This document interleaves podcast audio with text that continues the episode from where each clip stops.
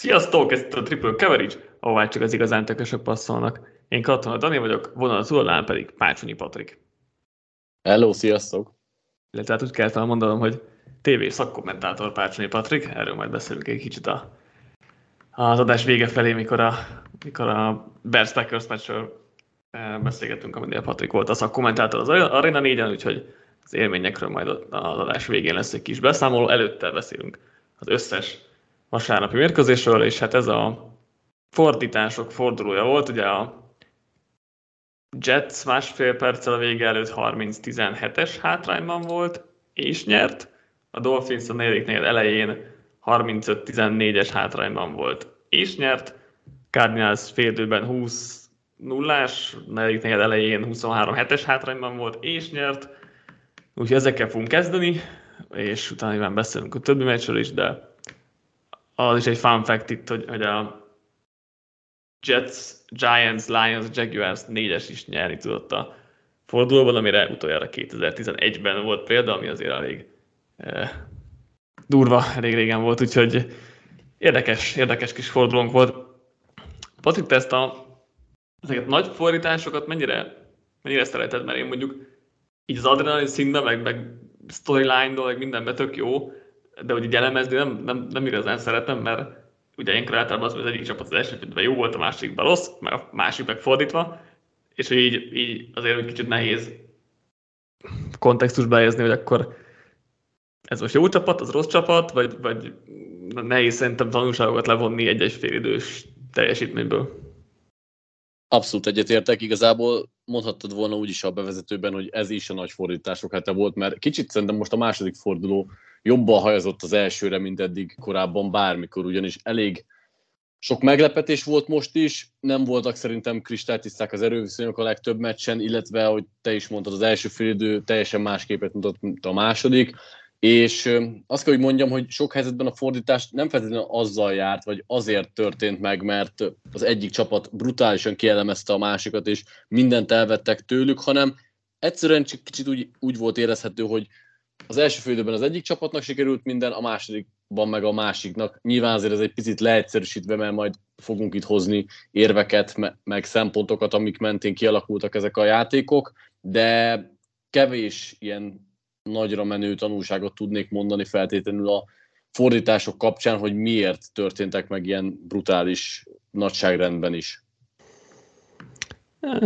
Igen, részben, részben igen, részben azért szerintem lesz, lesznek olyan dolgok, amiket így ki tudunk azért, azért emelni, de, de igen, tehát azért nem lehet kidobni az első félidős teljesítményeket sem, úgyhogy a, arról is fogunk az enyében beszélni. Ugye itt az őrült, meglepetéses, mit tudom, milyen fordulókhoz tényleg csak, hogy négy darab 2 0 csapatunk van, ugye, oké, okay, Chiefs meg a Bucks azt vártuk, Dolphins meg a Giants a másik, és akkor a Bills jó eséllyel csatlakozik hozzájuk, és a Vikings meg az Eagles közül az egyik, az is mondjuk talán egy kicsit várható, talán talán nem, de vagy legalább két, azért két meglepetésünk van, és tényleg rengeteg az egy-egyes csapat, tehát itt még semmi nem történt, és igazából rengeteg a középcsapat, ami és nem csak egy eredményre, hanem egy játékra is azt mondom, hogy így kevés olyan csapat van, aki kiemelkedik, akár jó, akár rossz irányba. Nyilván két fordulót ez jóval el fog, el fog ez még különülni, de hogy így nagyon egyben van szerintem most a mezőny egyelőre. Kezdjünk akkor bele. Miami Dolphins, Baltimore Ravens 42-38. Ugye 21 pontos negyedik negyed, de elejé hátrányból állt fel a Dolphins, és, és nyert. Nem is, tudom, nem is tudom, mivel kezdjük igazából, talán, talán Tuával, akinek ugye hihetetlen statisztikái voltak. nem, nem mondom, hogy hihetetlenül jó meccse volt, mert, mert azért szerintem túlzás lenne, és és nem csak az, hogy az első fél időben gyenge volt, mert az, az szerintem vidám felül áll, de hogy a végén sem volt igazán extra, tehát hogy jól játszott, azt kétségtelen, de hogy, de hogy azért nem hozott ilyen hihetetlen, óriási dolgokat.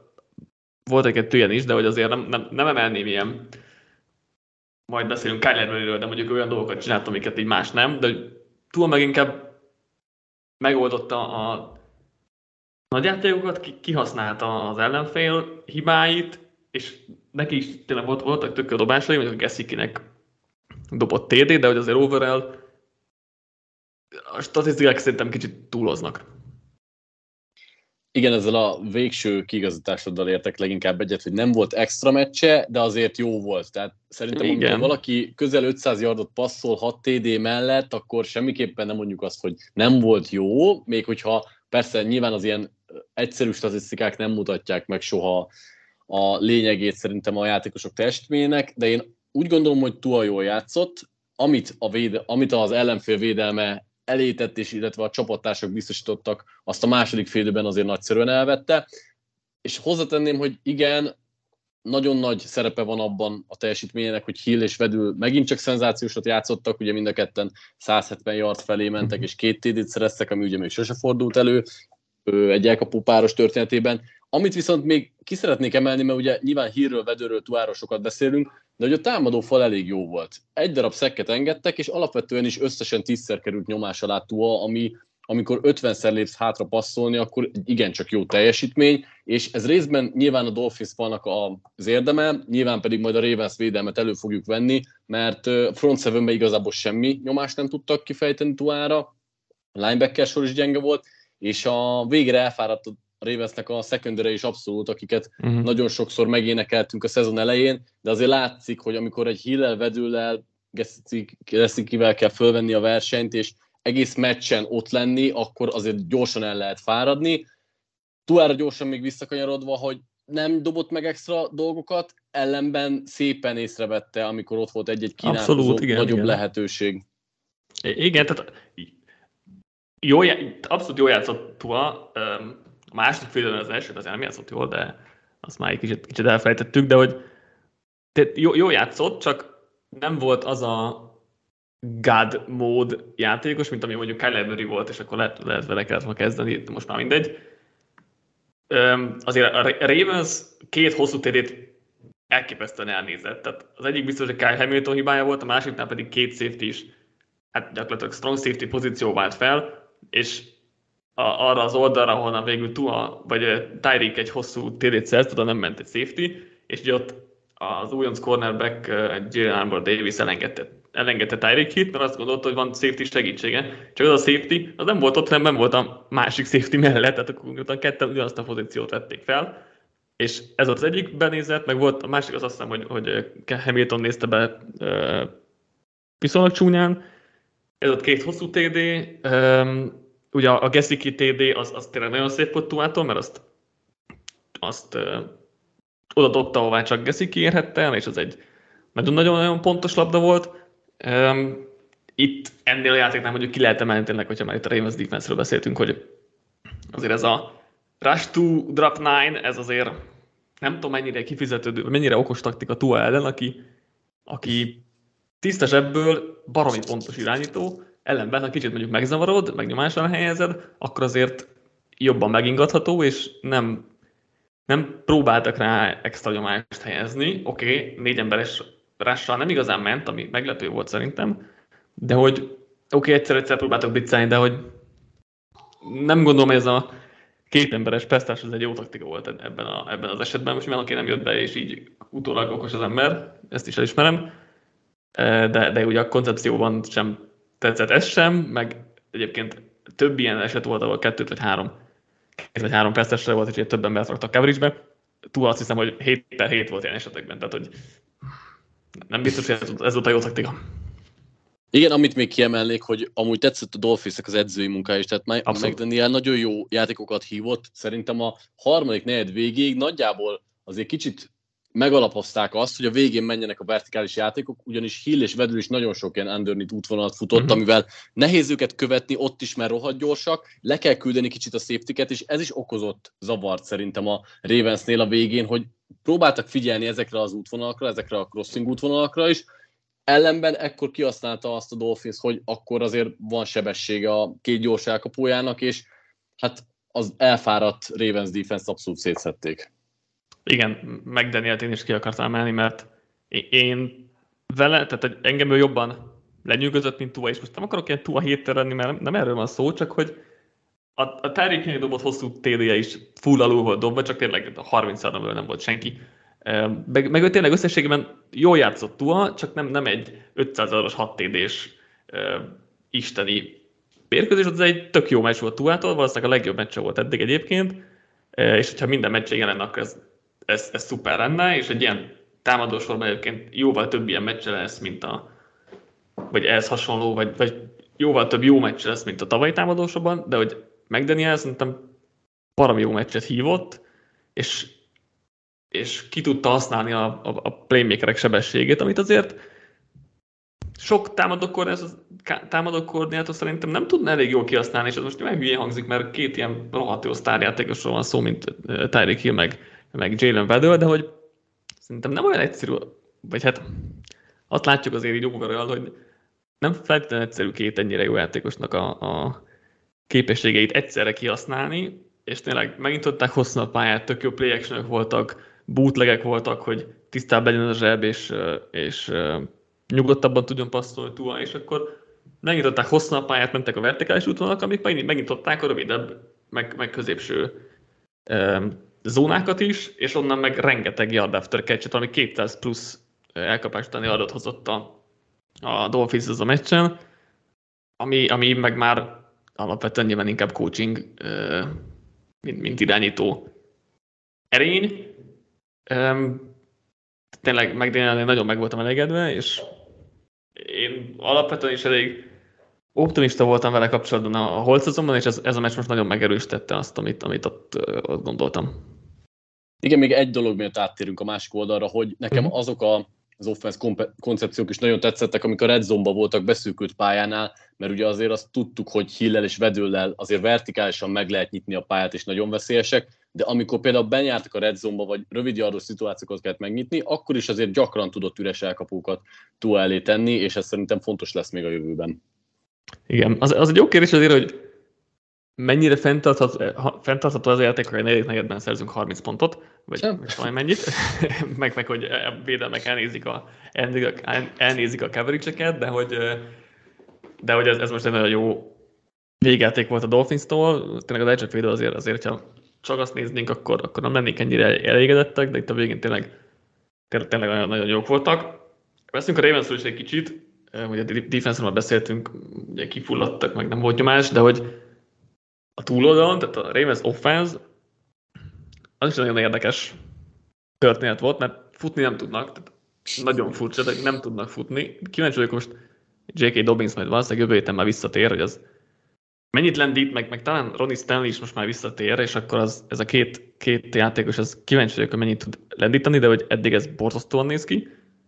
Ellenben, amit Lamar csinált, az, az elképesztő volt. És az első félidő, ott tökéletes passer volt, utána ugye futott egy 80 yardos TD-t is, és ami ugye kifejezetten pozitív volt, és akkor itt Greg Roment is kicsit meg lehet dicsérni, hogy a blitzeket nagyon jól kezelték, amik, amik tavaly egyáltalán nem volt válaszuk, most meg tökéletes passer ratingje volt Lamárnak blitzek esetén is, meg be voltak építve hot route tehát hogy ez, ez, ez patent volt a meccs végi leolvadáshoz leolvadás előtt, de az meg nem tudom mennyire az offense sora. Igen, Jackson zseniális volt, azért egyértelműen ő volt a jobb irányító a pályán. Amit én ki akartam emelni, hogy picit így megfordult a Ravensnek a támadó szisztémája erre az évre, illetve talán amit blokkolásban nyújtanak, mert futás az olyan, mintha a fal elfelejtett volna blokkolni, és igazából nagyon-nagyon sok a hiba, viszont passzblokkolás terén meg egy nagyon minimális fejlődés van szerintem tavalyhoz képest, és igazából a passzjátéknál is láttunk szép mozdulatokat, vagy szép pléjeket. Igazából Batemannek kettő felrajzolt mm-hmm. játékos nagyon szép volt, az Andrews meg a, az Andrews felé szálló labdáknál is föl lehetett véni koncepciót, illetve amúgy a Demarcus Robinson touchdown is szerintem egy, egy nagyon jó play volt, úgyhogy igazából a passzjáték szerintem fejlődött, a passz blokkolás is fejlődött, csak cserébe meg a futás hát így overall igazából minden szinten most, ha leszámítjuk Lamar Jacksonnak a hosszú TD-t, akkor az egy picit visszább esett. És ez lehet, hogy a fal hibája főleg. Igen, meg hát futója sincs a csapatnak, aki képes lenne bármire is, mert azért Mike Davis, meg Kenyan Drake, meg nem tudom, Justice Hill, szóval nyilván az se segít, de hogy, de hogy azért azt tudjuk, hogy elsősorban a, a fal befolyásolja ezt, de valami három alatt voltak a Lamar futáson kívül, ami azért kriminális egy, egy Ravens-től. Jó, um, beszéljünk akkor a következő nagy fordításról, és akkor már belengedtem Kyler murray Arizona Cardinals, Las Vegas Raiders 29-23 hosszabbítás után. Hát a, ugye én írtam el az összefoglalót, és az első fél idő után úgy voltam vele, hogy na, akkor elkezd, elkezdhetjük kicsit összerakni fejben.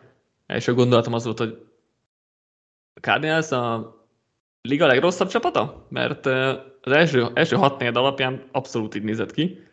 Aztán Kyler megfogta a gamer mi volt, tehát beírt egy cheat kódot, és God módba kapcsolt, úgyhogy onnantól meg, amit, amit művelt, az, az, az hihetetlen volt. Igen, konkrétan egyébként háromnegyeden keresztül rossz volt nézni ezt a Cardinals, de kifejezetten rossz volt. Mi a stúdióban pont azt beszéltük, hogy mennyire aláírta a halálos ítéletét ez a gárda, hogy ugye hosszabbított a Kingsbury-vel, Kemmel, Murray-vel, igazából mindenki itt lesz még hosszú-hosszú évekig, és semmi koncepció nem volt, igazából Murray is tragikus volt, tehát hogyha levesszük a meccs végű varázslatát, akkor három azért ő is kimondottan rosszul játszott. Mm-hmm. Voltak pontatlan dobásai, rossz döntései, csúnya interception, és persze utána, am, amit csinált, az, az csak őszinte. Jó, nyilván kis túlzással, mert vannak zseniális irányítók még a ligában rajta kívül, de ilyen meneküléseket és ilyen play meghosszabbításokat kevesen tudnak csinálni. Uh-huh. Ugye ott az első TD-nél, hogy több mint 20 másodpercig hát hosszabbította meg a játékot, és nyilván ugye ez részben a Raiders védelemnek is a sara, de nyilván azért olyan irányváltások kellenek, meg olyan helyzetfelismerés, ami, ami Mőri személyéből adódik. Ennek ellenére sem tudok teljesen a Cardinals felé pozitív lenni, mert amit láthatunk hm. tőlük, na ez az, ami egyáltalán nem fenntartható, még a Dolphins fordításánál is kevésbé gondolom, hogy ez egy fenntartható dolog, hogy Murray majd így fog varázsolni a negyedik negyedekben, és persze alá lehet írni, hogy ez van Ben Murrayben, csak az a baj, én jobban szeretek koncepcionális dolgokból kiindulni, és az nincsen. És az nincsen. Igen. Az nincs, az abszolút nincsen. Ez, ez a Kyler csinálj valamit offense volt, tehát hogy semmi. Kingsbury, hogy egy klasszikus HFL-es mondásra érek, egy kalapszar. Tehát, hogy Kingsbury semmit nem, tehát egy borzasztó, amit csinál.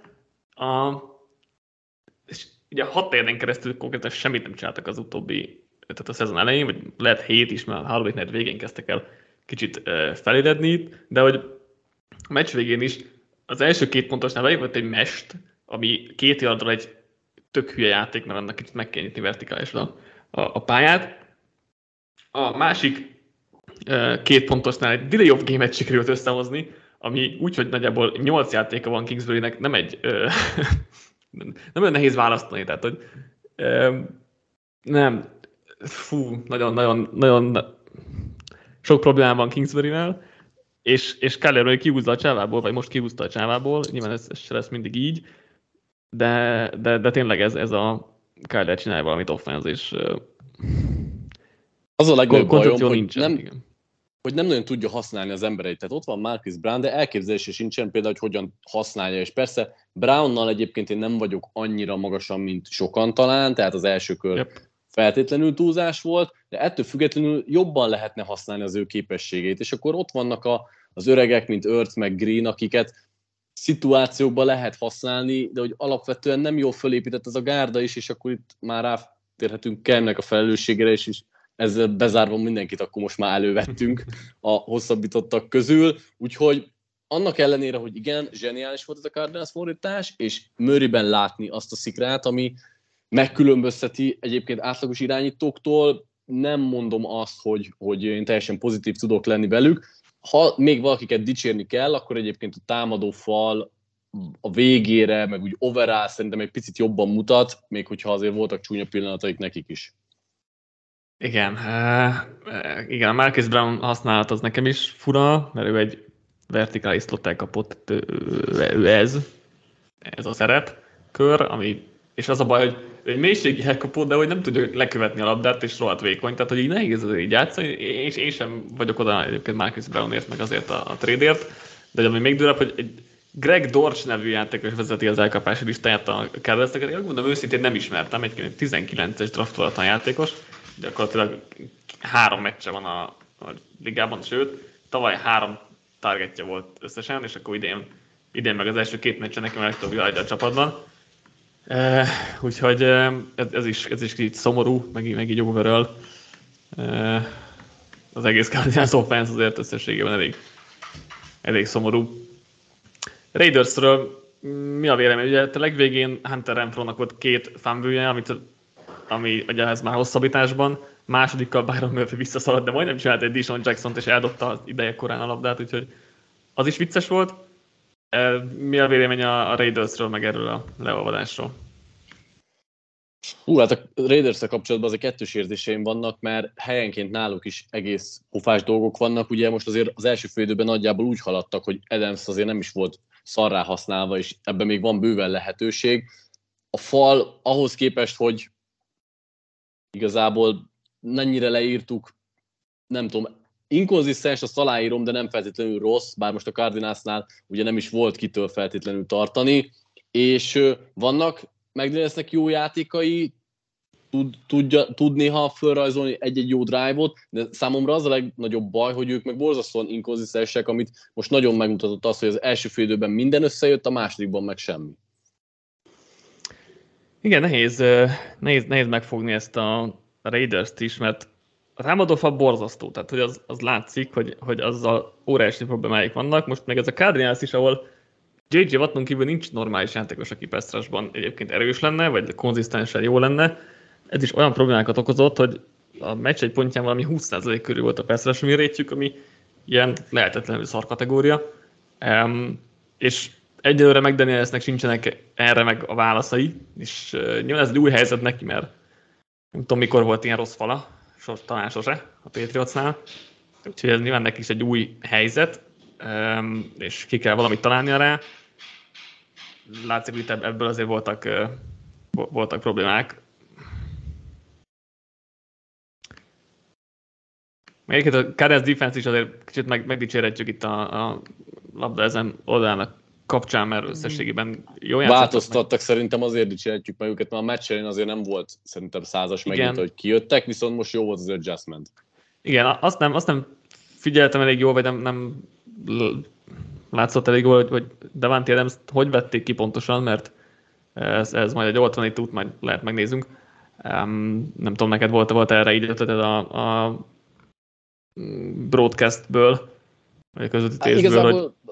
te, amennyi látszódott a broadcastből és így a 40 perces kondenzből, hogy azért igyekeztek úgy duplázni, hogy elvegyék előle az teret, ami, tehát hogy kár ne tudja elébe tenni a labdát, és így igazából kicsit szűket tették a helyet, de jobban utána kéne nézni, hogy pontosan ez, ez ennél mi volt a, a teljes ötlet. Egyébként én azt vettem észre, hogy az a, a Raiders is tudatosan igyekezett máshogy felépíteni a támadásait. Igen, igen, ez látszott, hogy próbálnak egy másfajta offense rakni, hogy ne, legyen, ne, ne legyen annyira edencentrikus, mint múlt héten volt, mert akkor meg nagyon felé billent a mérlegnyelve, és akkor most meg kipróbálták ezt a másikat, hogy akkor nagyon nem, vagy, vagy látva azt, hogy a Cardinals hogyan válaszol a felállásaikra. Az elején ment, aztán azért ez is, ez is eléggé megállt, és akkor lehet egy kis időben jobban próbálni erőltetni Adams felé a labdát. Következő mérkőzésünk a New York Jets Cleveland Browns, ami 31-30-as eredménnyel zárult. Um, ugye itt másfél perccel a vége előtt, vagy tehát egy, egy öt el, de igazából ott már másfél perc volt a, a, a téli előtt. Szóval 13 ponttal ment a Browns. Másfél, másfél perc alatt jött, jött Joe Flacco, báró Joe Flacco, az Children elit irányító, és megdobott egy hosszú TD-t, jó, azt nagyon csúnyán benézte a Browns secondary tehát olyan, olyan Baltimore-i benézés volt, nem tudom, tényleg így, így kikapcsolták a AFC North coverage-et arra az egy perc, nagyjából akkor volt egyébként itt valamelyik, valamelyik Tyreek téré, tehát az vicces volt, hogy így majd tudom, hogy más után volt, és akkor mind a két csapat benézett egy elég csúnya coverage-et. És aztán összejött az onside kick, és, és talán meg, meg, megoldott a Flecko, Gerett Wilsonnak, aki parádésan játszott a mérkőzésen, ugye az első keres újonc elkapó. Uh-huh. Um, amit itt felírtam érdekességnek, hogy két percen belül 13 pontos előnynél az utóbbi 2200 valahány meccse nem fordult előfordítás. Ez 2001-ben a Browns ellen történt meg, ami azért nagyon szomorú. Mindent elmond a franchise-ról egyébként. Ö, alapvetően egyébként egy érdekes mérkőzés volt, és szerintem a Jets azt bizonyította be, hogy tart, van tartás ebben a csapatban, még a cserekúbékkal kiegészülve is van egy kisebb fantázia, hogy tudnak haladni, de amit szerintem ebből a meccsből tudtunk tanulni, hogy a Browns védelemmel lesznek gondok, mert yep. szerintem a Jets támadófal uralta azt a területét a játéknak, amit nem feltétlenül gondoltam, még akkor sem, hogyha Geret kivételével tudtuk, hogy az a védőfal az nem, a lig, nem liga elit, és a secondary is azért voltak, amit említettél, rövid zárlatok, benézett playek, és Wilson például újon szlétére igazából uralta a párharcait, úgyhogy nyilván én a Jetset szeretném elsősorban dicsérni, főleg amiért visszajöttek ilyen nagy hátrányból, és volt elképzelésük, de a Browns védelemtől jóval többet vártam volna én személy szerint. Igen, abszolút szerintem is azért a védelem Mindenre mindenképp lehet panasz, mert ott a secondary azért azt gondoltuk, hogy ez egy tök jó egység lesz. Hát ez nem, ez, nem ezen a meccsen mutatkozott meg, meg, meg tehetségre, meg emberanyagra egyébként tényleg jónak kéne lenniük, de azért nem mindig jön össze itt a kommunikáció, meg, meg hasonló problémák miatt, de egyébként, a, tehát, hogy ha Nick Chubb most ez, ne, most nem akarom azt mondani, hogy kicsit gondolkodik, mert ez ilyen nagyon degradáló, meg meg, meg ott a meccs helyében ez nem is feltétlenül elvállalható, de valaki rászól a Nick Chubb fejére, hogy figyelj már, hogyha be tudnál futni, akkor ne fussál már be, hanem ez egy adoson menj le, mert hogyha letérdel, akkor nem volt több időkérése a Jazznek, 1.55 volt a végéhez, három térdelése meg van a meccs.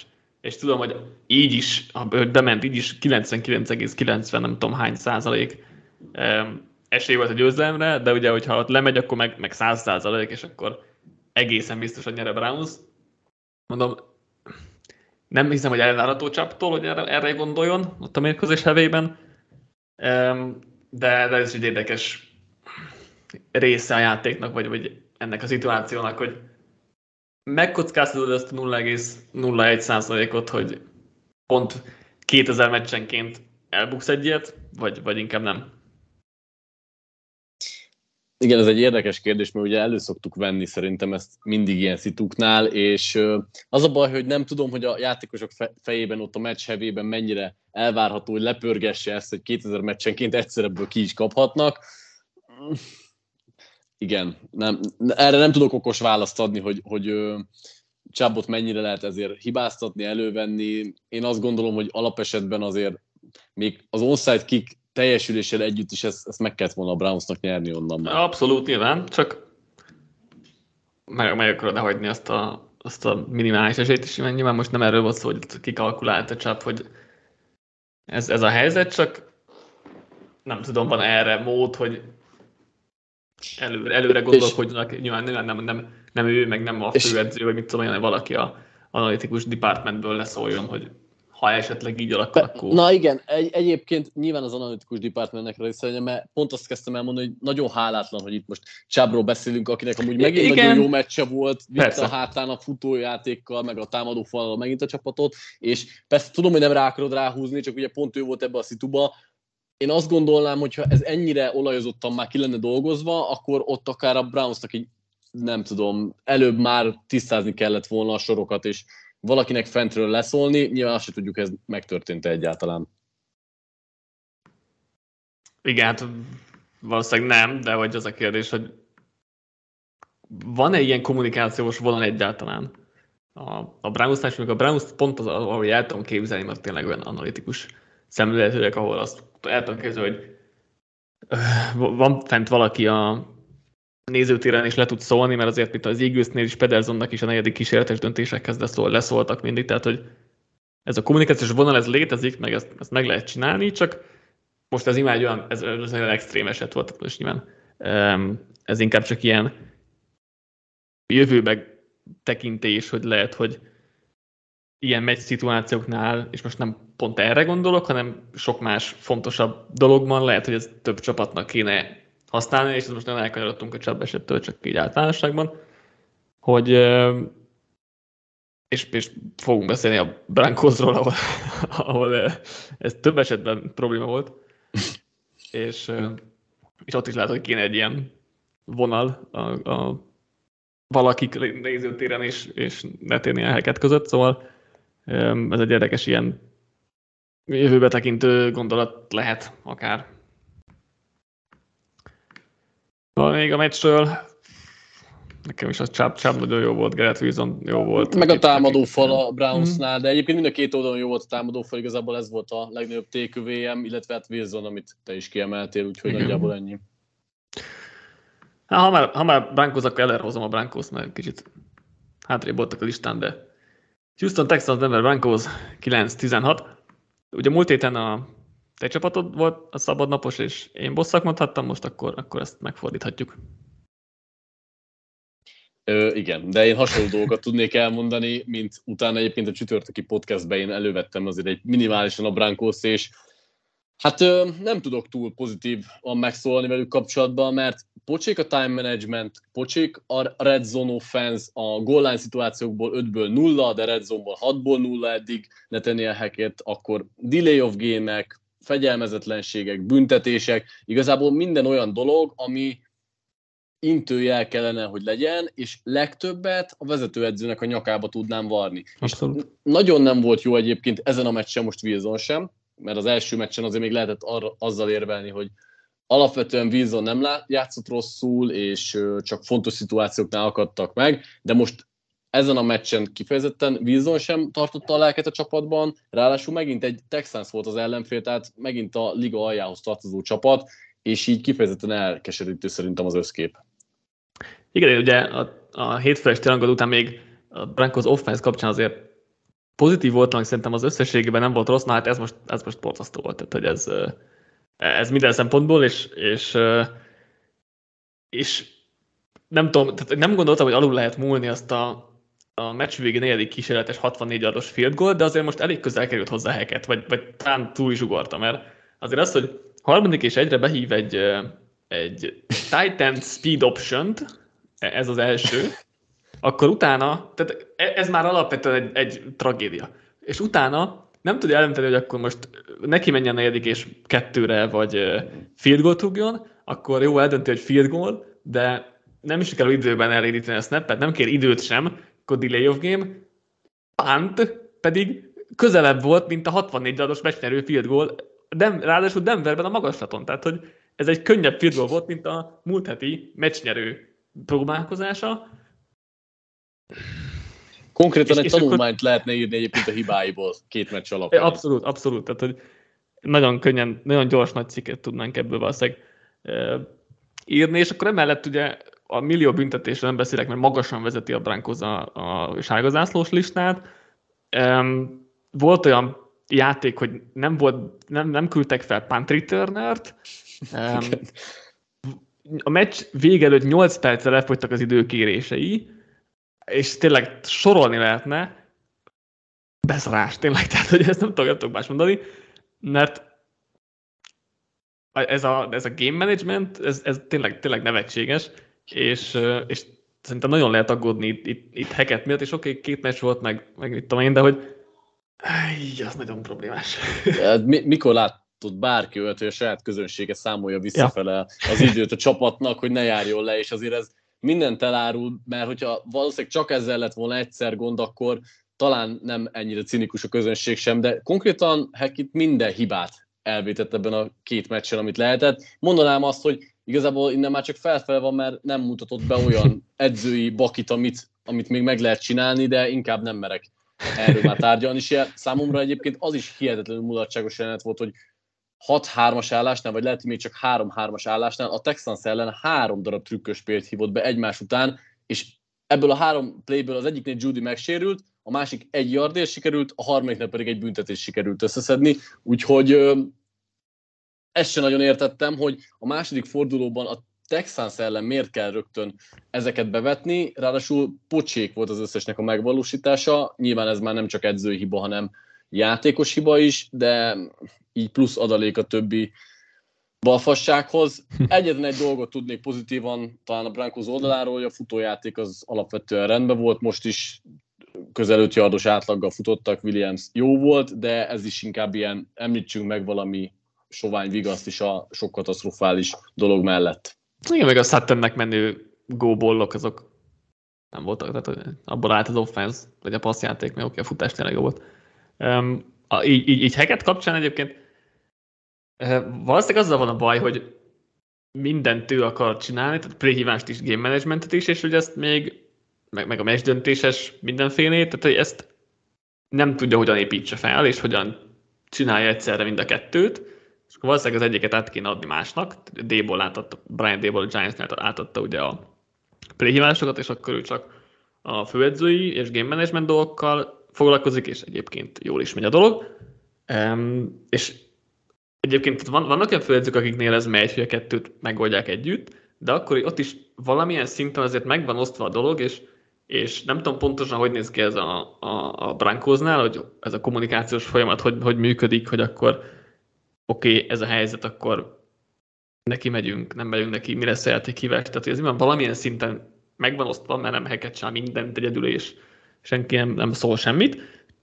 De hogy ezt, ezt tényleg nagyon rosszul csinálja, és egyébként pont az ilyen dolgok miatt rohadt nehéz előre megmondani, hogy kiből lesz jó főedző, és kiből nem lesz jó főedző, mert az ilyen dolgokról fogalmunk sincs, hogy ki hogy fogja kezelni. Úgyhogy egyelőre heket mindenképp, mindenképp megbukni látszik. És ugye annak ellenére beszéltünk ennyire negatívan, hogy egyébként nyert a Broncos, de szerintem senki sem, senki sem, senki sem kezeli ezt egy pozitív dologként jelenleg. Hát ugye nyilván az, hogy nyert a Broncos, annak köze volt az, hogy a Texans volt az ellenfél, akik szintén mondjuk úgy, hogy nem remekeltek a mérkőzésen. A védelmük még úgy, ahogy egész jó volt, de Amúgy szerintem ez egy korrekt védelem lesz így idegen összességében. Tehát ez ilyen átlag közeli. A Broncos vagy a Texans? A Texans, Texans védelem. Szerintem ez egy átlag közeli védelem lesz így a szezon egészét nézve. Azt aláírom. Csak hogy nem, nem a legrosszabb védelem ellen szemelt a Broncos, de most ez, ez csak egy minimális, minimális uh, szikrája a reménynek, vagy nem tudom, de, de nem, nem, nem sok pozitívum, csak egy minimális. Igen, igen, igen, én különösen Stingley játékát figyeltem, akinek azért ilyen felemás mérkőzése volt, mert igen. volt egy-kettő nagyobb passz, amit engedett, aztán volt egy-két szép leütött labdája, nyilván nem könnyű újoncként azért mondjuk az ellenfél legjobb elkapója ellen védekezni, amikor ott vagy hagyva ráadásul izolálva, de voltak szép megmozdulások váltakozva, hát nem azt mondom, hogy csúnya, de engedett játékokkal inkább így egészíteném ki. Igen, az összességében szerintem ezért Saturn nyerte azt a párharcot, kettőjük párharcát szerintem, de mi amikor Stingli máson volt, akkor az egy kicsit jobban, jobban nézett ki. Menjünk tovább, akkor Tampa Bay Buccaneers, New Orleans Saints 20-10. Mike Evans és Marshall Latimore ismét megmutatták, hogy mennyire jó barátok. Brady nagyon nem úgy néz ki, mint aki élvezi továbbra is a focit. A támadó fala az harmadik vonalas játékosok, sőt szerintem már negyedik számú leftekkel is játszott ezen a meccsen. Elkapóból nem maradt senki tehát hogy az így, így egyelőre a követ, rövid távon ez most nem néz ki valami jól a Buccaneers számára. Igen, szögezzük le, hogy amúgy a Saints védelmet minden dicséret megilleti. Ettől Persze. függetlenül az, hogy a Buccaneersnek Evans kivételével nem volt bevethető első számú, vagy hát kezdő szintű elkapó, és ugye Evans is elhagyta a pályát a meccs körülbelül felénél, nem könnyítette meg a dolgokat, valamint a támadó falnál sokkal nagyobbak a problémák középen, mint gondoltuk. Azért a Saints kontrollálta a line of scrimmage-et amennyire lehetett, és azt tudtuk eddig is, hogy Bradynek igazából a, a játékát, azt a, a Saints védelem, az mindig is nagyon jól fel volt készülve rá, Evans egyébként Latimore úgy, ahogy tudta limitálni, nyilván itt felváltva nyerték meg szerintem a csatákat egymás ellen, és ez egy nagyon-nagyon fizikális párharc, ami alapvetően is szerintem a Buccaneers Saints meccsekre elmondható, hogy hmm. nagyon agresszív fizikális focit hoz most a bunyókat nem ide számítva, de hogy ugye a, a szabályos keretek között is ez egy olyan párharc, amit erőből kell megnyerni, és azért is tudja limitálni a Saints a, a Buccaneers sokszor, mert azért védelmi síkon, ez a fizikalitásban ők megnyerik a párharcaikat. Tehát úgy van fölépítve ez a Saints defense, hogy igazából minden területen elég erős és kontaktot nem féltő játékosokból áll föl. Igen, és ugye e, erre írtam a preview-ban, hogy a Saints defense baromi jól meccsel a Buccaneers offense Ráadásul most a pálya közepét egyáltalán tud használni Brady, hiszen Gronk és Godwin sincsen, tehát hogy gyakorlatilag csak a szélen a feldobott labdák voltak a lehetőségek, vagy a Fordetnek a checkdownok, tehát hogy ezen kívül más opció nem volt, ami, ami reális volt, és akkor tényleg azért Latimore általában jól leveszi Evans-t. Szóval nagyon durva, hogy ez a, ez a csoport párharc, ez, ez mennyire a Saintsnek áll így defense szinten, um, és hát most is két és fél negyeden keresztül nulla ponton tartották a Buccaneers-t. Jó, aztán ugye jött egy Ingram fumble, egy offside negyedikre, jött a Latimore kiállítás, aztán Winston három interception, tehát hogy a végét elrontotta a Saints, mert négy turnovert, meg, meg ugye egyszer pánt helyett tovább engedték a támadást, tehát ez, ez itt gyakorlatilag öt labda birtoklást itt elszórakoztak, és akkor így jött össze a, a Bucksnak a 20 pontja, de ezt a mérkőzést ezt nagy részt uralta a Saints defense.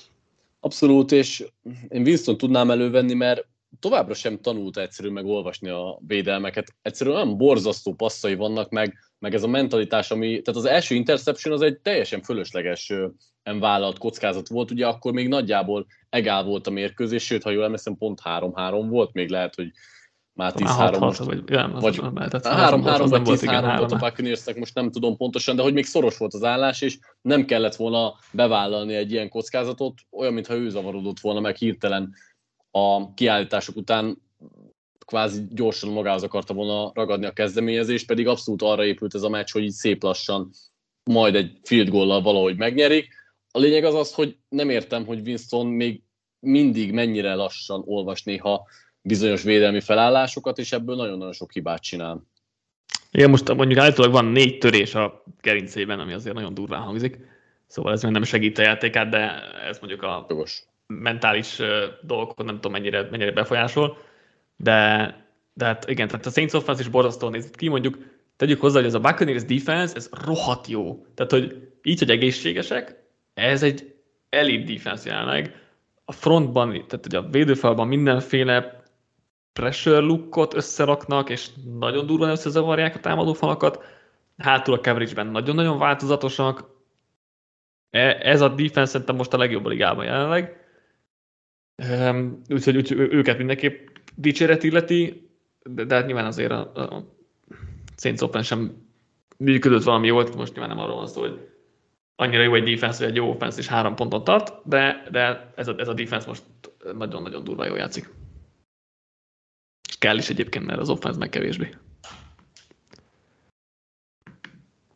Még egy majdnem óriási fordítás, Atlanta Falcons, Los Angeles Rams 27-31. Ugye a Falcons nem volt messze attól, hogy 28-3-ról megnyerje a mérkőzést, és akkor megfordította volna itt az átkot, vagy nem tudom, mi történt volna ekkor, hogyha egy filmbe lettünk volna, akkor biztos, biztos ilyesmi dolog volt, vagy dolog lett volna előirányozva. az átkot, igen. Igen, igen. Um, és tényleg nagyon, közel voltak, ugye volt egy blokkot pántból szerzett TD, utána e, Cooper Cup fumble vétett, akkor abból támadott vissza a Falcons, de végén Jalen Ramsey szerzett egy, egy nagyon szép interception és akkor utána a végén még szintén még extra dolog, hogy a Rams csinált egy unsafety hogy ne kelljen még egyszer pantolniuk, mert azt uh, ugye előtte blokkolta a, a Falcons, úgyhogy azt nem akarták megkockáztatni. Úgyhogy nagyon eseménydús volt a mérkőzés vége, pedig azért ez, ez is úgy nézett ki elég sokáig, hogy jó van, Rams simán nyert, elkönyveltük. Igen, abszolút. Igazából a Rams szerintem ezt a mérkőzést teljes mértékben kontrollálta nagyon sokáig, és nem tudom megmagyarázni, hogy konkrétan miért, hogyan tudott visszajönni a Falcons, mert alapvetően ahol megfogható lenne ez a Rams a támadó falban, hogy nyomás alá helyezik Staffordot, abban a Falcons ugye teljesen, teljes mértékben nulla, azért az ő peszeresek a leggyengébb a ligában, szinte semmi nyomást nem tudtak helyezni most se Staffordra, Cooper Cupot igazából senki nem tudta kivenni, terelnek, megint nem volt egy nagyon jó mérkőzése az első forduló után, nyilván két elképesztően nehéz feladattal is találkozott, de ezúttal sem sikerült megnyerni igazából a párharcait, úgyhogy nem tudom megmagyarázni, hogy hogyan jött vissza ez a Falcons a, a meccsbe, azon kívül, hogy kicsit belealudt a Rams, és nyilván Sean McVay nem először bizonyítja, hogy picit képes túl konzervatívkodni ezt a é, nem tudom, most az egészet. Stafford megint dobott két hmm. nagyon gyökér interception, tehát azért az nem segít a helyzeten. Tehát, Nyilvánvaló. Az, meg, az megint olyan dolog, hogy Staffordnak tök jó meccse volt, ha a játékok 90%-át nézzük, és akkor volt három nagyon hülye döntés, amiből kettő lett interception végül, amit én nem tudok megmagyarázni, tehát hogy így Staffordnak ez minden meccsen van egy, legalább egy ilyen, nem tudom miért, de egyszer így, így pekre pál az agya, vagy nem, nem, tudom, nem tudom, mi történik vele, de hogy mindig, mindig van egy ilyen, hogy akkor most oda dobol ellenfélnek, mert az jó lesz nekünk. Vagy hát nem, Igen. de... Igen, és egyébként a, a Ramsnek a védelme is a végére egy picit súlytalanná vált. Tehát ő, Bobby Wagner például a linebacker nagyon öreg. Hát, mondhatjuk, igen. Én a halovány szót akartam aztán így a két forduló után, de hogy ö, alapvetően is szerintem nem jönnek a kulcs nagy játékok sem, illetve annyira én nem érzem ezt a dominanciát, ami, ami elvárható mm. lenne tőlük. Abszolút, abszolút nem. Donaldot is ki tudják venni most is a játékból, relatíve nyilván most azért őt, teljesen sose fogják, de hogy azért elég jól sikerült őt is limitálni. Nincs Peszrás, tehát kéne egy Peszresser. Leonard Floyd, meg Terrell Lewis nem, nem az, tehát hogy nem tud névben az, de hogy nem, nem a jó fajtából. Úgyhogy ez ez így meg, meg torpedózza is ezt a Rams defense, tényleg főleg úgy, hogy Wagner is azért eléggé tényleg öregnek tűnik, nem, nem, nincs már a, a régi fényében, és ez nehéz. A, amit érdekelne, hogy szerinted Kyle Pitts így hová eltűnt? Még két meccsen van valami 30 ugye, valahány adja. Én mondtam ugye az első podcastban, hogy ez egy overreaction hogy Kyle Pittsnek ez nem fog jól állni ez az offense, de hát én egyértelműen Marióta nyakába varrom ezt a dolgot, szerintem neki nem az a stílusa, hogy amiben Pitts beleillik, bár az, hogy Londonnak meg hát most igen, amúgy igen. jó meccse volt, az, az erre rácáfolna, de nem, nem tudom. Szerintem eleve Mariótával ez a hagyományos, kicsit hagyományosabb passzjáték, az, az nem a csapat erőssége lesz, és Pitts pedig jobban illene egy ilyen pass happy offense-be. Nem tudom, tehát e, még, még mindig várom inkább, hogy, hogy hogyan fog ez tovább alakulni, de egyre figyelmeztetőbbek a jelek. Igen, és, és tényleg azért is furcsa, mert, mert Drake Londonnak meg nagyon jó meccse volt, úgyhogy ő, ő is, Gerett Wilson mellett ő is nagyon jó újonc elkapónak tűnik így az első mérkőzések alapján. A Mariotával kapcsolatban ez a Mariota vezértje az olyan vicces volt, hogy negyedik és egyre megkapta a snappet, elesett a saját lábában, és utána megoldotta a, a, a játékot, vagy a paszt. Úgyhogy az olyan vicces volt. A, amit még felírtam, hogy megvan az új megvan az újítás McVay-től, hogy Skoroneket fullbackként alkalmazza. Ugye ő egy elkapó, vagy egy blokkoló elkapó, vagy tavaly azért főleg blokkolásokhoz használták, és most nagyon sokat volt fent fullbackben, és nagyon érdekes ez az, ez az újítás, hogy tavaly ugye nagyon szétnyitotta a pályát McVay, és, és passzoltatta, gyakorlatilag csomószor empty formationből Staffordot, most pedig újra kicsit összehúzza a, a pályát, és akkor berak egy fullbacket, aki egyébként jól, bo- jól blokkol, de ugye elkap, elkapni is tud, ez nagyon érdekes lesz itt szerintem a következő hetekben, hogy ezt hogyan, eh, hogyan használja őt majd megvegye meg Misülk ebből, ez, ez érdekelni fog a következő hetekben. Egy picit én úgy éreztem, hogy ilyen kísérletező jellege is van ennek a dolognak, azért szóval nem az, a, nem az a felépítés, ami egy fullbacket jellemzi. Nem, de ha meg jól használják, akkor meg oké, okay, mondjuk nem küldeném be feltétlenül tényleg a fal közepére sokszor, de hogy szélső futásoknál viszont tök jól működhet. Meg ugye nyilván elkapásoknál is, tehát hogyha azért fullbackből indulva nem, tehát nem ugyanazok az emberek fognak vigyázni rád, mint elkapóba indulva, legalábbis a legtöbb esetben. Úgyhogy ez egy érdekes dolog, azt szerintem még itt kíváncsi vagyok, mit hoz ki belőle McVay. Cincinnati Bengals Dallas Cowboys 17-20. Hát a preview-ban eléggé leírtam ezt a cowboys hogy Cooper rush esélyük sincsen. Ehhez képest 14 ponttal kezdtek, két drive és aztán majd nehezen megtartották az előnyt a defense is köszönhetően. Itt igazából szerintem a kulcs az az volt, hogy a Cowboysnak volt felrajzolva két jó scripted driver, és ez elég volt úgy, hogy ugye a védelmű kordában tartotta a bengals mert a Bengalsnak a támadósora egyrészt megtalálták a Bruce Printet ellenük, másrészt pedig rengeteg dologba tudnék belekötni, kezdve itt támadófallal, boróral, hogy mennyire magára húzza a szekkeket, hogy igazából azt olvastam most több helyen, hogy legtöbb csapat cover 2 Tampa. Igen. Tampát nyom ellenük, hogy elvegyék a hosszú játékokat, meg hogy Chase ne tudjon mögé kerülni, és nem is ízlik ez a Bengásznak, tehát volt egy drive a végén, ami közel 9 perces és csodálatos, 8, több mint 80 yardos volt, de hogy ezt leszámítva, igazából nem tudják, hogy mit kezdjenek ez ellen a kicsit leszűkített terület ellen, és hát az meg abszolút nem könnyíti meg a dolgokat, hogy Boró nagyon vonzza magára a nyomást, valamint a támadó fal sem szuperál, ugye Parsons itt teljesen sakban tartotta őket. Lehet, hogy a Bengals offenzről fogok írni holnap, vagy szerdára bővebben, mert, mert tényleg nagyon so, sok gondolatom van, és mindjárt, mindjárt is lövök itt azért egy, egy párat belőle, de, de hogyha már megemlített egy pár szót, akkor rá akartam, rá akartam kicsit reagálni, hogy a második legjobb védőjátékos a ligában, már most. Egyet értesz? Nem értesz egyet? Én tudok spanolódni ezzel a Parsons hype-al, úgyhogy lehet, hogy egy picit túlreagálás így hirtelenjében, de tudok egyetérteni is.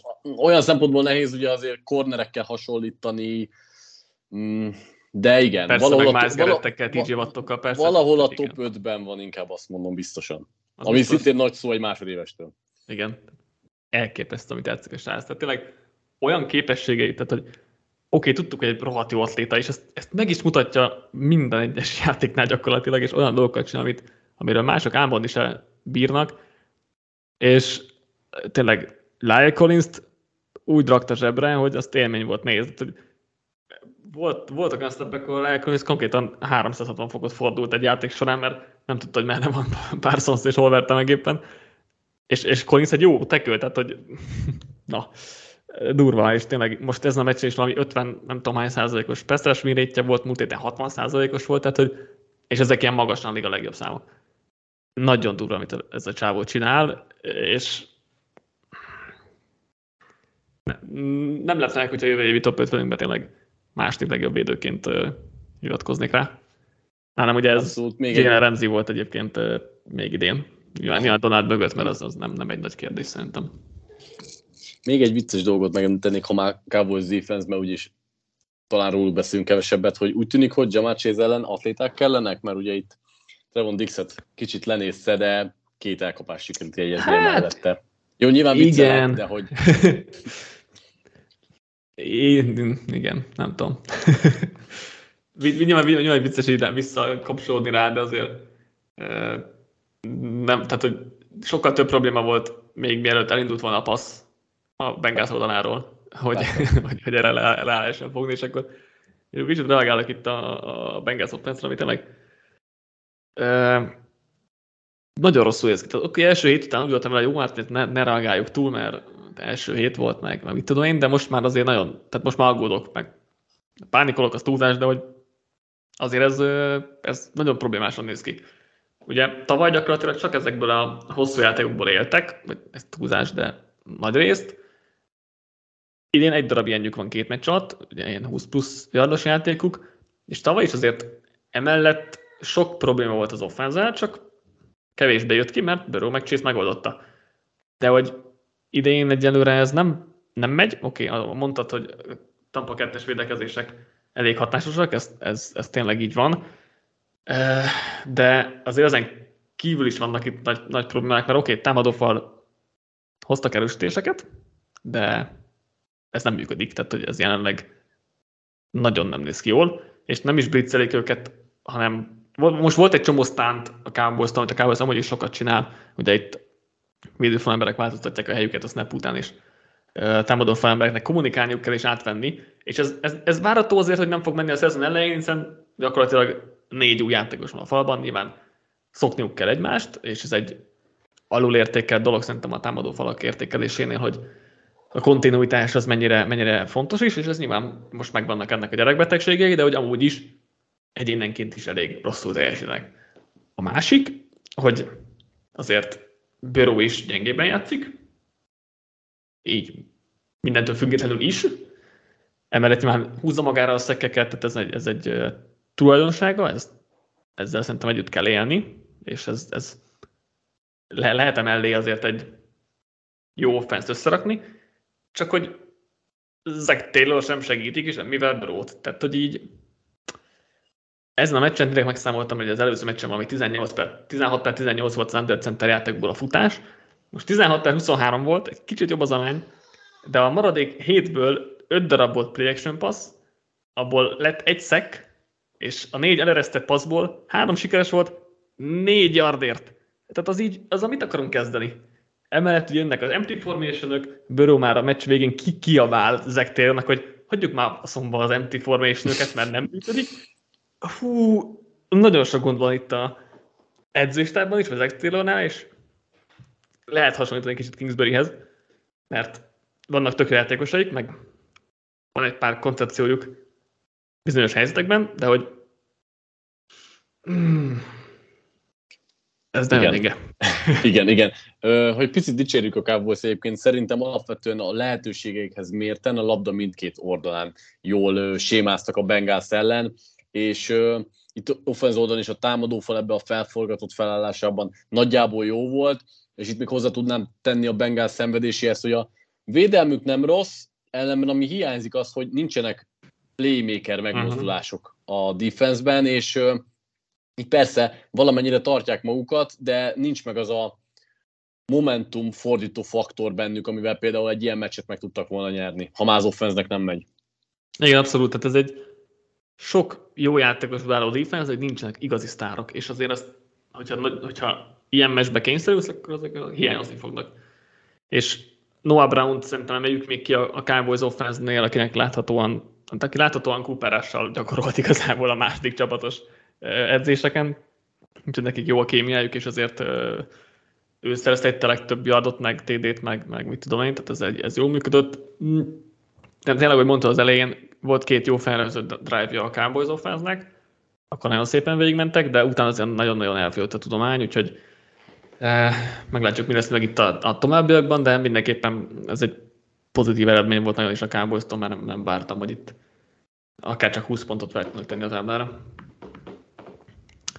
Szintén nem vártuk, hogy 20 pontot fel tud tenni a táblára, akár a New England Patriots, akár a Pittsburgh Steelers.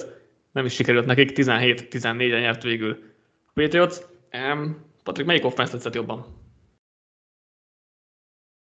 Nagyon jó kérdés, de egyébként a patriots tetszett jobban, mert ott legalább tudok mondani egy egységet, ami egy maradéktalanul szerintem jó teljesített. A Patriots támadófala az első heti és az elő szezonbeli gyengélkedés után szerintem elég jól helytált. Alapvetően a futás működött, Jones mm, szek nélkül tartották, nyilván hozzájárult ehhez, hogy Watt nem volt bevethető a Steelersnél, és azért így azért a, amit jósoltunk, hogy ez a jó defense, az jelentősen visszaesik a legnagyobb sztárja nélkül, de hogy alapvetően, mivel a Patriotsnál a támadófal el tudta vinni a hátán a csapatot, ezért ez most elegendő volt kiegészülve azzal, hogy Agolorból kijött egy-két playnél az extra, amit nem vártunk, ez pedig a Steelers ellen, akik offense fronton igazából nem sok mindenre képesek, pont elég volt.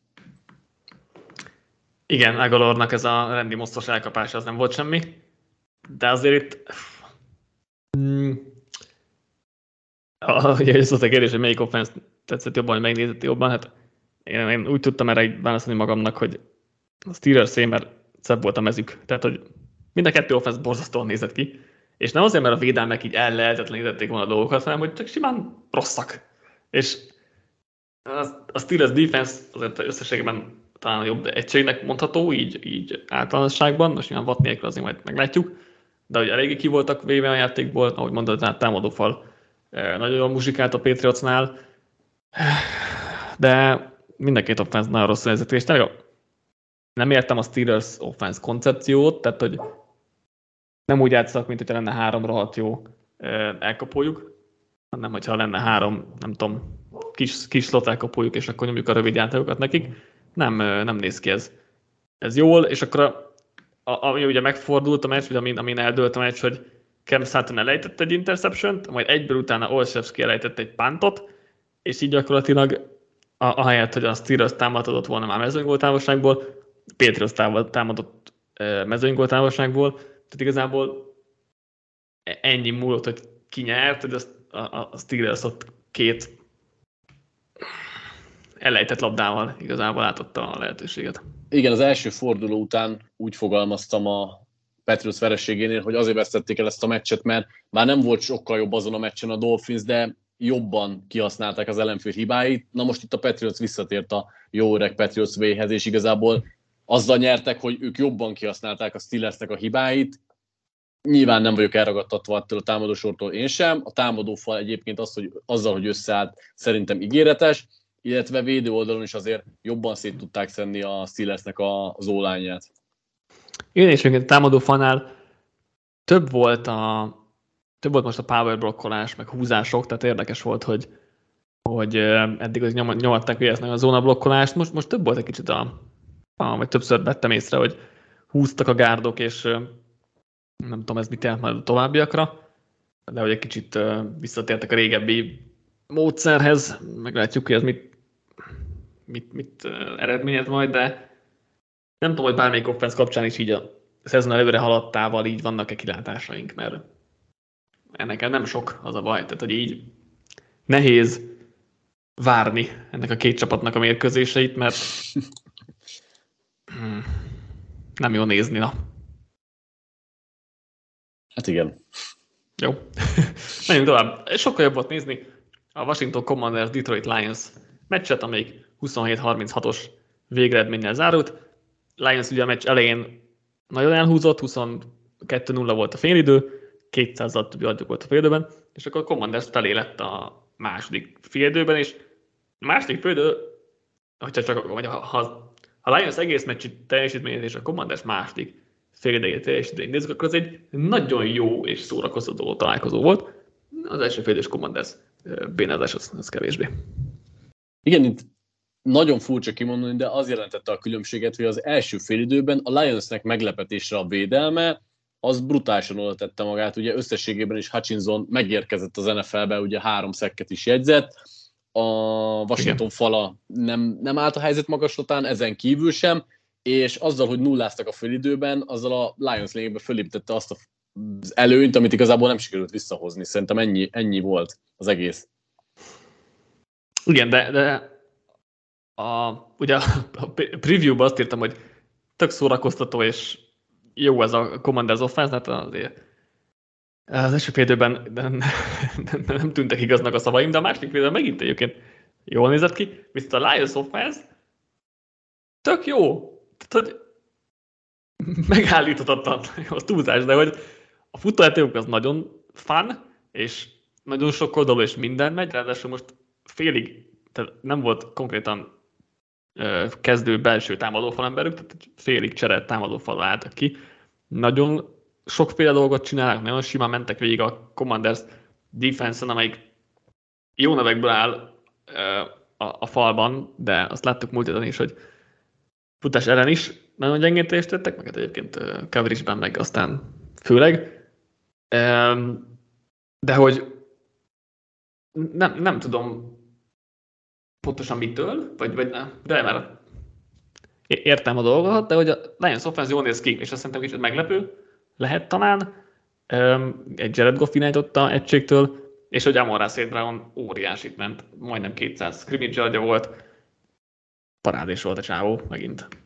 Igen, én is vele akartam befejezni, hogy ő abszolút szintet lépett, és könnyedén megnyeri a párharcét. Nagyon gyorsan játsza magát üresre, és nagyon sok yardot szerez elkapás után, vagy mm. éppen miután megkapja a labdát, ugye igazából ő is jelentette a különbséget, mert a Commanders oldaláról igazából nem volt egy-egy olyan playmaker, aki most fel tudott volna lépni, mclaurin szerintem viszonylag nehezen vonják be, még továbbra is a játékban, és bár, bár alapvetően egyébként szépen elszórják a labdákat, és Vance sem annyira reménytelen, de nehezen indul be ez a gépezet.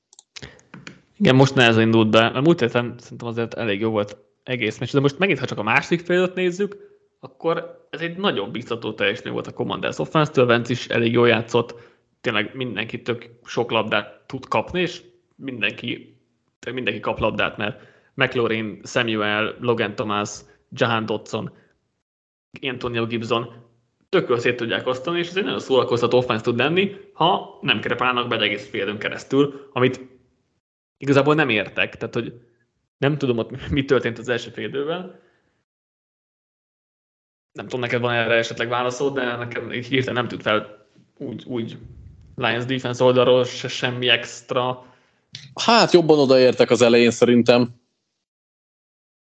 Hát valamennyire nyilván, meg tényleg az első félidőben azért tényleg nagyon sok nyomást tudtak generálni, ugye a Hutchinson három szeket mondtad volt, ugye a Charles Harris, azt hiszem Charles Harris volt, aki a safety szerezte.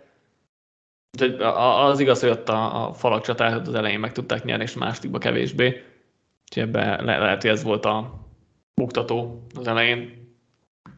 Hogy még ki akartam menni, hogy, hogy a Commanders defense az borzalom.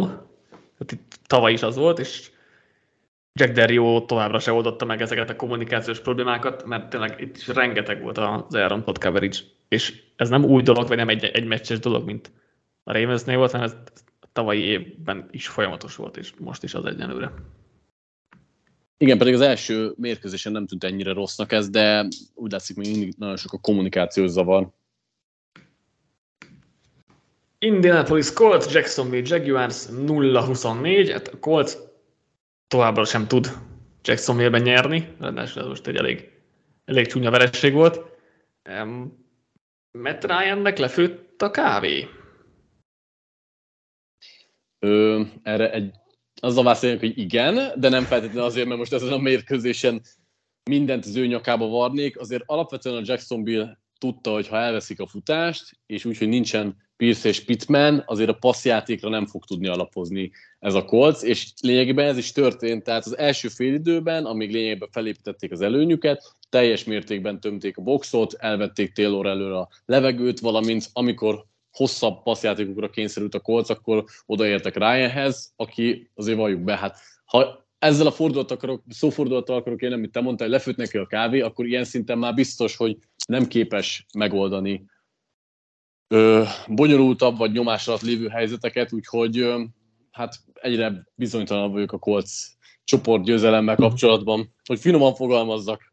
Igen, igen, abszolút. Mert uh, támadófal is gyenge volt, Oké, okay, a Jaguars d egyébként nem rossz, meg, meg tök jó twisteket, stuntokat alkalmaztak.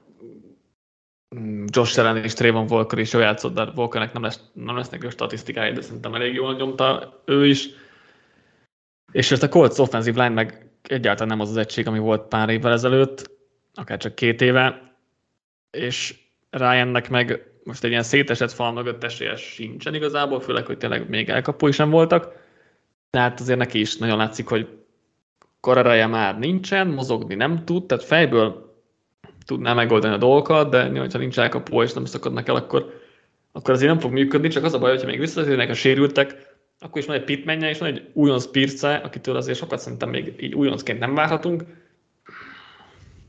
Tartok tőle, hogy ez a Colts nem lesz jó. Tehát oké, okay, Frank Reich azért rossz, rosszul szokta kezdeni a szezont, és a második fejére feljavul, de de akkor is azért ez most nem néz ki valami jól. Na és akkor Jaguars. Az a, ugye, az a narratív, hogy Lorenz milyen rohadt jó volt, és, és nem tudom, végre itt egy nagyon jó meccse, és eddig nem láttunk tőle, tőle ezt, de szerintem amúgy nem volt sokkal extrább, mint eddig. Tehát Lorenz szerintem eddig is jó volt, és ezen a meccsen is jó volt, csak most nyertek. Egy kicsit jobb volt, mint amúgy. Részben értek ezzel egyet, mert valóban talán nem volt extra, viszont nagyon pontos volt, azért közel 90%-os passzolás ellenben 85%-os passzolási pontosság az, az sokat elárul, illetve nagyon éles volt fontos szituációkban, ami szerintem most ezen a mérkőzésen a különbséget jellemezte, de arra azt igazából szerintem ezt várjuk, hogy azért alapvetően egy kiegyensúlyozott, hibáktól mentes játékot hozzon le, és minket talán mi azért nem ájultunk el ettől a játéktól, mert mi nagyjából ez, a, ez az, amit vártunk tőle, és eddig is láttuk a játékában, és eddig sokkal több volt az ilyen up and down szituáció, hogy oké, okay, megvoltak a jó pillanatok, a kiegyensúlyozottság, viszont volt egy-kettő rosszabb drive is.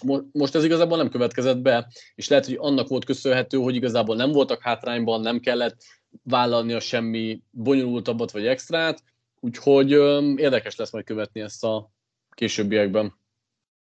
Igen.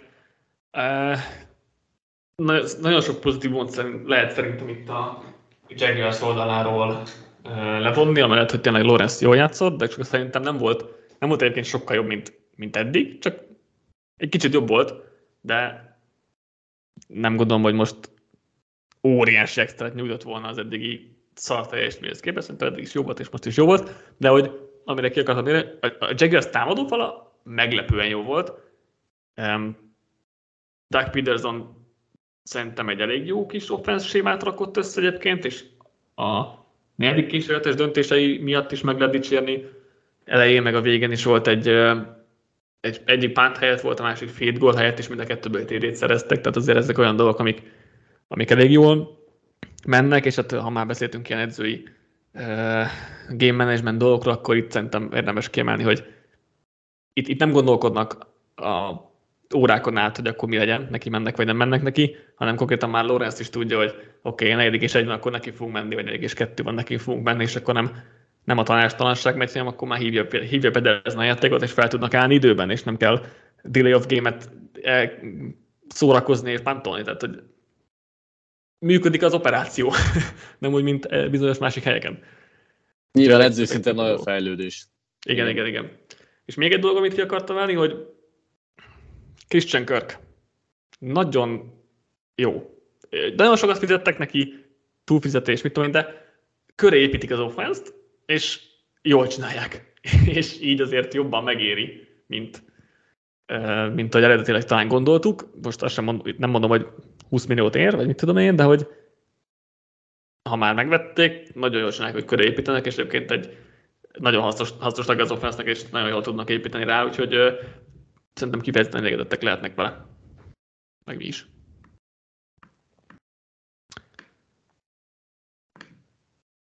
Menjünk akkor tovább. Carolina Panthers, New York Giants 16-19. Két fanből lenyitott a Panthers, úgy pedig a saját érfelén. Úgy pedig azért viszonylag nehéz meccset nyerni, még hogyha azért a Giants is csak 6 pontot szerzett belőle, meg vissza tudott jönni itt a Panthers, de ez legalább olyan rossz meccs volt, mint a Steelers Patriots, vagy hasonlóan rossz.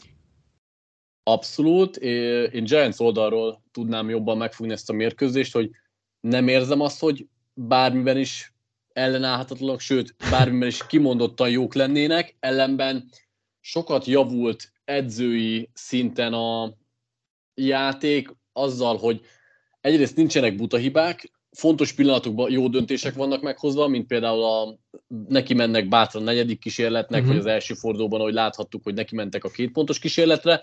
Daniel Jones részéről pedig nem mondom, nála sem lehet azt a kifejezést használni, hogy kifejezetten jól játszik, de azt sem mondanám, hogy rosszul. Tehát hogy nem, volt, nem voltak szerintem nagy hibái. Az első fél időben például az az, az egy majdnem interception érő labdát leszámítva igazából nem rontott el sokat, nem vesz magára semmit, de nem is veszi el a győzelem lehetőséget a csapatától.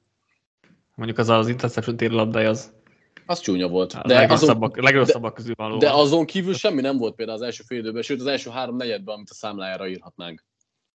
Jó, hát mondjuk pozitív volt arra se. Hát ezt mondtam, hogy nem veszel semmit a csapatától, cserébe nem is ad. Szerintem ez, ez jobb, mint az eddigi Daniel Jonesok azért. Ez, ez, ez valószínű. Igen, tehát nekem a Giants az így, ez a meccs így nem csinált úgy igazán semmit. Tehát, hogy ez hogy ez már egy jó dolog egyébként a tavalyi, vagy az ut- utóbbi évekhez képest, mert akkor mindig a negatívumokról beszéltünk, és most tényekre legalább nem kell, és ahogy mondtad, tényleg, és megint összehasonlítani, akkor Nathaniel Hackettel Brian Day volt, hogy átadta a playcallingot, ellenben hozza a game management döntéseket, és ezeket mind jól teszi meg, tehát óriási a kontraszt nyilván a két újonc főedző között ilyen, ilyen téren. Nehéz dolga van azért a Giants offense mert Richie James a legtöbb elkapott arra rendelkező játékosuk, ami sokat elmond az készszemélyzet helyzetéről. Úgyhogy egyébként ugye van egy liga legdrágább játékos a Kenny Galadéjuk, akinek a két passznapja volt a meccsen, meg egy elsőkörös Kadarius Tóninak, akinek Tóniuk, aki valami tizen néhány játékon volt fent, és szintén nem kapott túl sok labdát, szóval eh, nincs egyszerű dolguk, azért, azért az biztos. Andrew Thomas baromi jól néz ki, leftekőben, az, az egy jó dolog, de ezen kívül azért olyan sok pozitívumot így nem lehet elmondani egyeséről, egyesével a játékosokról, de egy tényleg lehoznak hiba nélkül meccseket, most már a másodikat egy után, vagy, vagy hibák nélkül, vagy nagy hiba nélkül, vagy akár hogy akarjuk fogalmazni.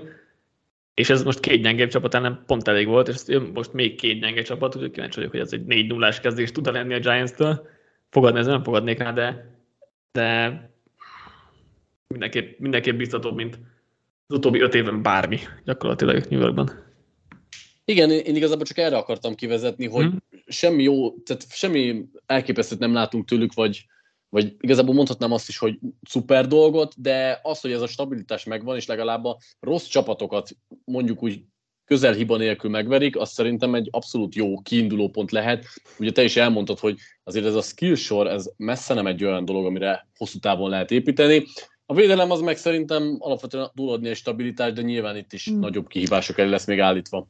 Igen, szerintem az, ezzel a védelemmel lesznek problémák, mert azért Martin de még mindig blitzelni akar, úgyhogy Adore Jacksonnak most jó meccse volt, de minden héten tőle se fog jönni, meg rajta kívül nem sok mindenkire lehet támaszkodni, de hogy, de hogy az a Panthers mennyire borzasztó, tehát hogy ugye a Giants-et dicsértük, hogy nem, nem nagyon hibáznak, a Panthers ugye voltak két fánban a meccs elején, ez megalapozta dolgokat, de hogy Mayfield borzasztóan néz ki, tehát hogy nagyon gyorsan szabadul a zsebből, nem tud döntést hozni, ha, ha kimegy a zsebből, akkor azt hiszi, hogy ő, ő a Josh Allen pedig közel sincsen hozzá, és nem tud megoldani ilyen improvizációs futásokat, meg, meg ilyesmiket.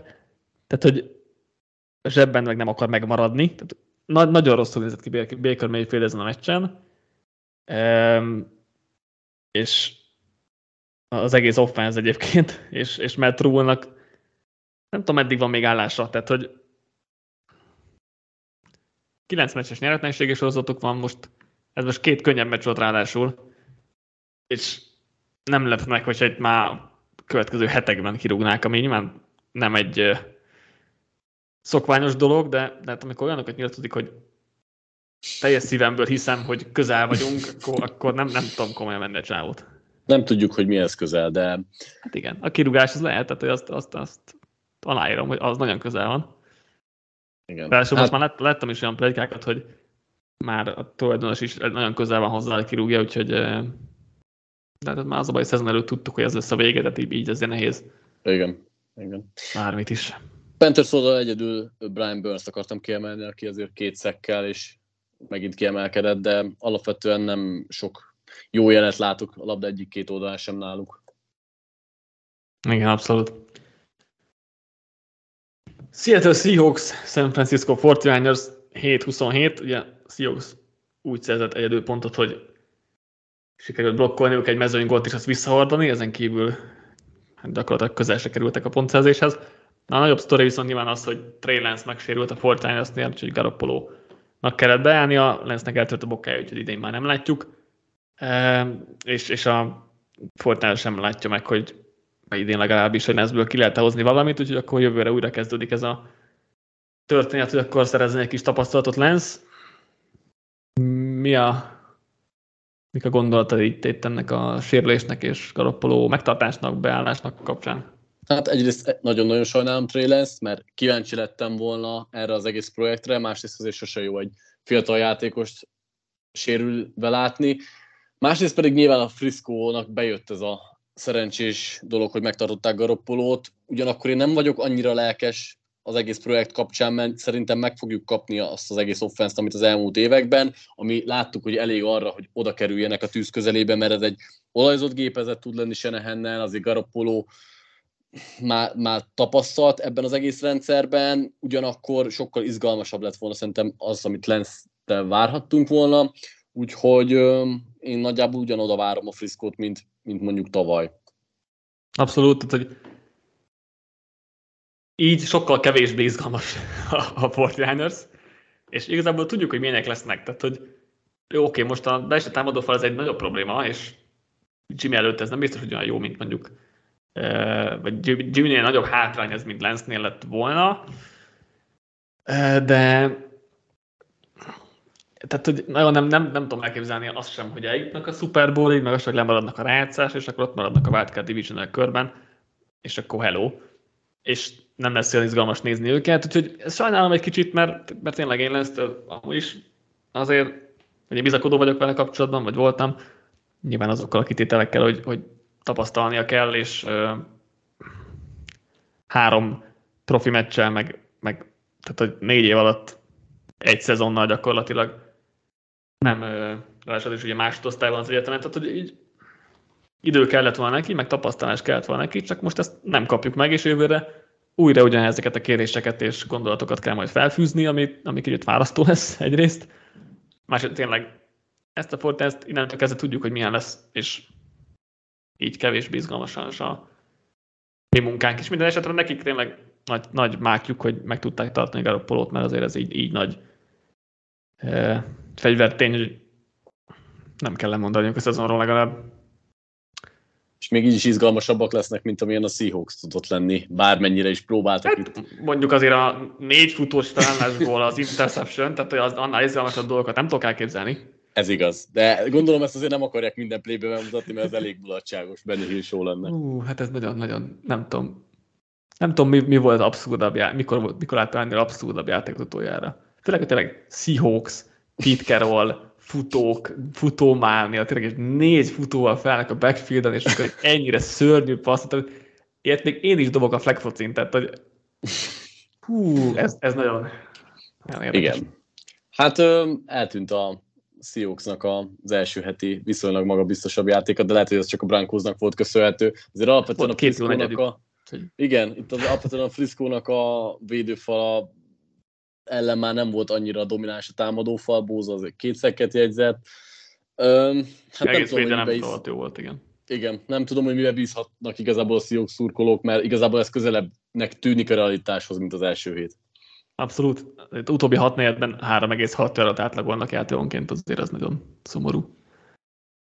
Um, igen, Fortnite és Nick Bózát akartam egyrészt kiemelni, meg hát Fred Warner bármikor ki lehet, de akit én nagyon bírok, az talán a Hufanga, aki ugye az új safety a, a Fortnite-nak, eddig ugye, vagy róla prospectként úgy gondolkodtunk, hogy egy nagyot ütő, klasszikus strong safety, de mindenben jó. Tehát most két meccses mintánk van, de egy energiabomba a csávó, és mindenhol ott van, és coverage-ben is tök jó, amellett tényleg, amit tudtunk, hogy nagy ütés jól szerel, nem bírom a játékát. Abszolút egyetértek, egyáltalán nem néztem ki, mert egyébként én az, vártam, én vártam. Am, amit mondtál, hogy nagy ütés jól szerel, az, az megvan, tehát megvannak ezek a látványos ütések is a játékában, de ez mellé tényleg az, hogy odaér minden playre, viszonylag jól olvas, én föl is kaptam egy csomó fantaziba, mert gyártja a tekülöket. Én is, én is felkaptam, meg Old 22 is felkaptam, úgyhogy ott, az meg ugye egy PFF alapú, ezt még nem, még nem jött meg a grade ugye megnézzük. Ha már pont előttem van. De megint olyan 79,9-et kapott megint, úgyhogy e, szuper volt újra. Igen, szóval ő, őt, őt nagyon, nagyon bírom itt, a, és valahogy a Fortnite mindig jönnek az játékosok egymás után, úgyhogy ez, ez egy tök jó dolog. A Seahawksnál akartam még kiemelni Tarik Wulent, aki ötödik körös cornerback, ugye róla is beszélgettünk a draft folyamat során, hogy ilyen all-time legjobb athlete, tehát hogy a méretei és a atletikusság alapján a valaha volt legjobb, és akkor meg kell tanítani focizni. Úgy látszik, azért Pete Carroll ért a cornerbackekhez, mert az első két forduló alapján tök játszik, meg ugye neki volt a blokkolt mezőngolja is, mert nyilván nem ehhez kapcsolódik, de mondjuk segít, hogy rohadt jó méretekkel rendelkezik, meg a karjai akkorák, mint nekem az egész lábam. Szóval elég, elég jól néz ki Bullen egyelőre. Legvégére hagytam a Chicago Bears Green Bay Packers mérkőzést, amit a Packers nyert, nyert 27-10-re. Nem volt egy olyan hű, de jó mérkőzés. Vagy ilyen nagyon érdekes mérkőzés. Szóval arról akartam még beszélni, hogy milyen élmény volt neked ezt egy kommentálni először, először bent ülni NFL meccsen. Hát szerintem mondanom sem kell, hogy ez egy hatalmas érzés, tehát mindig, nem azt mondom, hogy erről ábrándozik az ember, mert nyilván nem úgy kezd el szerkeszteni, vagy alapvetően az NFL-lel foglalkozni, de amikor azért bent vagy egy stúdióban, és beszélned kell igazából a kedvenc sportodról, akkor azért az egy elég ö, szívmelengető érzés. Ugyanakkor hozzáteszem, hogy ö, az első félidőre a, a stressz meg az izgulás az jelentősen rá tudta nyomni a bélyegét, tehát több volt az izgalomfaktor, meg a feszültség bennem az első félidőben, mint, a, mint ez a nagyon jól érzem magamat, és akkor vissza flow. Ez inkább a fél idő utánra jön el, és akkor már maximálisan át tud szellemülni az ember, és élvezi a találkozót, és még egy ilyen, hát közel sem szoros mérkőzés is igazából tud élvezni, mert tulajdonképpen én a vitatott gollán szituációig abszolút abszolút mértékben elhittem, hogy akár a Bears vissza tud jönni ebbe a meccsbe, de ha mondjuk otthon az ágyból nézem, akkor lehet, hogy már elaludtam volna, vagy egyáltalán nem vettem volna komolyan, hogy itt ebből bármi is történik, de ott a kommentátor állásból valahogy teljesen másképp éli meg az ember, mert egyrészt szeretné is, hogy legyen egy szoros mérkőzés, másrészt meg úgy közelebb érzi magát az akcióhoz, és ez egy teljesen más feelinget ad szerintem, mint amikor mondjuk otthon egyedül kell elemezned egy mérkőzést. Szóval összefoglalva az élményt, nyilván mivel először voltam, a nyomás az elején kicsit el tud venni az élvezeti értékből, viszont összességében meg maga az, hogy ott lehetsz, és mikor a kicsit így kezdesz oldódni, akkor ad egy olyan plusz adrenalin faktort, hogy még hazaérkezés után egy jó másfél órával sem tudtam aludni, és ö, alapvetően tényleg még az se kellett, hogy ez egy jó mérkőzés legyen, mert azért valljuk be, hogy azért ez egy tükörsima találkozó volt. Igen, hát én ugye két és fél óra alvással keltem fel, és hát többször is nagyon, hát kicsit bele is aludtam, nem tudom, vissza kellett pörgetnem, hogy belebúbiskoltam, és akkor ú, két préről lemaradtam, úgyhogy akkor pörgessük vissza a dolgot. Úgyhogy igen, nem volt a, nem volt a legjobb mérkőzés. Meg szétfutott gyakorlatilag a, a Beast az nagyjából. Ez el is ment a, a találkozó, de, de tényleg nem tudom mennyire. Nem tudom, akarunk egyáltalán beszélni erről, mert tényleg szerintem minden, minden meccsről beszélünk azért, de, de itt szerintem tényleg nagy dolog volt, hogy akkor hogy, hogy kommentáltál, és ez tök jó, tök jó dolog, úgyhogy aztán kíváncsi vagyok majd melyik, melyik mesélsz legközelebb, azt még nem tudod. Azt hát ezt be, be, is tudom mondani, mert megtudtam Na. közben, hogy a jövő tehát a negyedik heti csütörtöki rangadón a Dolphins Bengalson leszek legközelebb. Uh, az jó. Az sok beszédtémát, sok beszédtémát. Abszolút, abszolút örülök, de egyébként mondom, tehát bármilyen lehetőségnek, én, én most bármilyen mérkőzések tudok körülni, mert mondom, kommentátor állásból még a gyengébb meccsek is kicsit így spanolósabban jönnek föl, de én is egy jó meccset várok, úgyhogy mindenkit várunk akkor is egyébként a tévé elé, aztán igyekszek majd akár majd a későbbiek folyamán még élménybe számolósabban közvetíteni, amikor jobban belejön az ember. Jó van, na szuper. Akkor most, hogy átbeszéltük az egész találkozót, illetve a dupla hétfesti rangadó, egy gyors tippet mondjál, és akkor mondok én is az eagles de ugye Titans, Bills és Eagles Vikings. Hát én Bills és Eagles győzelmet várok, és egyébként aránylag sima meccseket. Ó, oh. Eagles egyáltalán nem várok sima meccset. A Bills azt, Bills azt tudom képzelni, az lesz. Szerintem az Eagles az ne, nem tudom, hogy, tehát még azt, hogy nem, nem tudom védő oldalon, hogy állítja meg Jeffersonékat, tehát ez nem, nem, nem látom magam előtt, vagy akár Cookot, tehát akár milyen gameplan érkezik a Vikings, azt nem látom még egyelőre, hogy azt az Eagles meg fogja tudni állítani. Offense oldalon jó lehet az Eagles, szerintem ez egy sok pontos meccs lesz, tehát hogy mindenképp élvezetes, meg szórakoztató lesz. Én Vikings győzelmet várok, mert szerintem a védelmük egyre jobban fel van vértezve az Eagles megállítására, mint az Eagles védelme a Vikings megállítására, úgyhogy um, szerintem egy, egy sok pontos szoros Vikings győzelem lesz ott. Mármint szerinted az Eaglesnek a futójátékát, itt Hörzel kiegészítve, a Vikings föl van erre készülve? Készítve? Hát, szerintem jobban, mint az Eagles védelme bármire. Na igaz, tehát hogy az, hogy, az, hogy sokat zónázik a, a Vikings, azért Hurtsnek a futásai azért jobban limitálva lesznek, mint a Lions ellen, most nyilván lenullázni nem fogják, vagy nem erről van szó, de mondjuk abban abba egyébként van valami, hogy ugye lightboxokkal operál a Vikings, tehát hogy az Eagles futójáték alapvetően működhet, csak nem tudom, hogy egy egész meccset végig lehet-e futni, meg AJ Brown egy egybe végig tud dominálni bárkit, végülis e, valószínűleg igen, egy az egybe valószínűleg igen, mert nem olyan szombocs azért a Vikings corner de, de ott meg nem egy egybe kell majd lennie, hanem zónák közt, meg, és nem, nem tudom, Hertz, Hertznek az olvasás hogy biztos nem fogja segíteni, a sok zónázás, a sok rotálás, tehát szerintem passzjátékban az igaz, itt, itt azért lehet bajban. Meglátjuk. De sokan úgyis majd csak a meccs után hallgatjátok vissza a podcastot, úgyhogy majd lehet, lehet rajtunk, rajtam, vagy nem tudom, nevetni, hogyha ha esetleg nem így lesz. Köszi Patrik, hogy az átvirasztott éjszaka után is meg, megnéztem minden meccset, és ki is beszéltük őket. jó pihenés szerintem holnap reggelig. És akkor Köszi. még nem garantálom, hogy lesz csütörtöki adásunk, de legkésőbb jövő héten, jövő hét hétfőn ugyanígy jövünk az összefoglalóval, úgyhogy az, az mindig fix. Csütörtökét pedig majd, majd meglátjuk még. Úgyhogy addig is sziasztok! Sziasztok!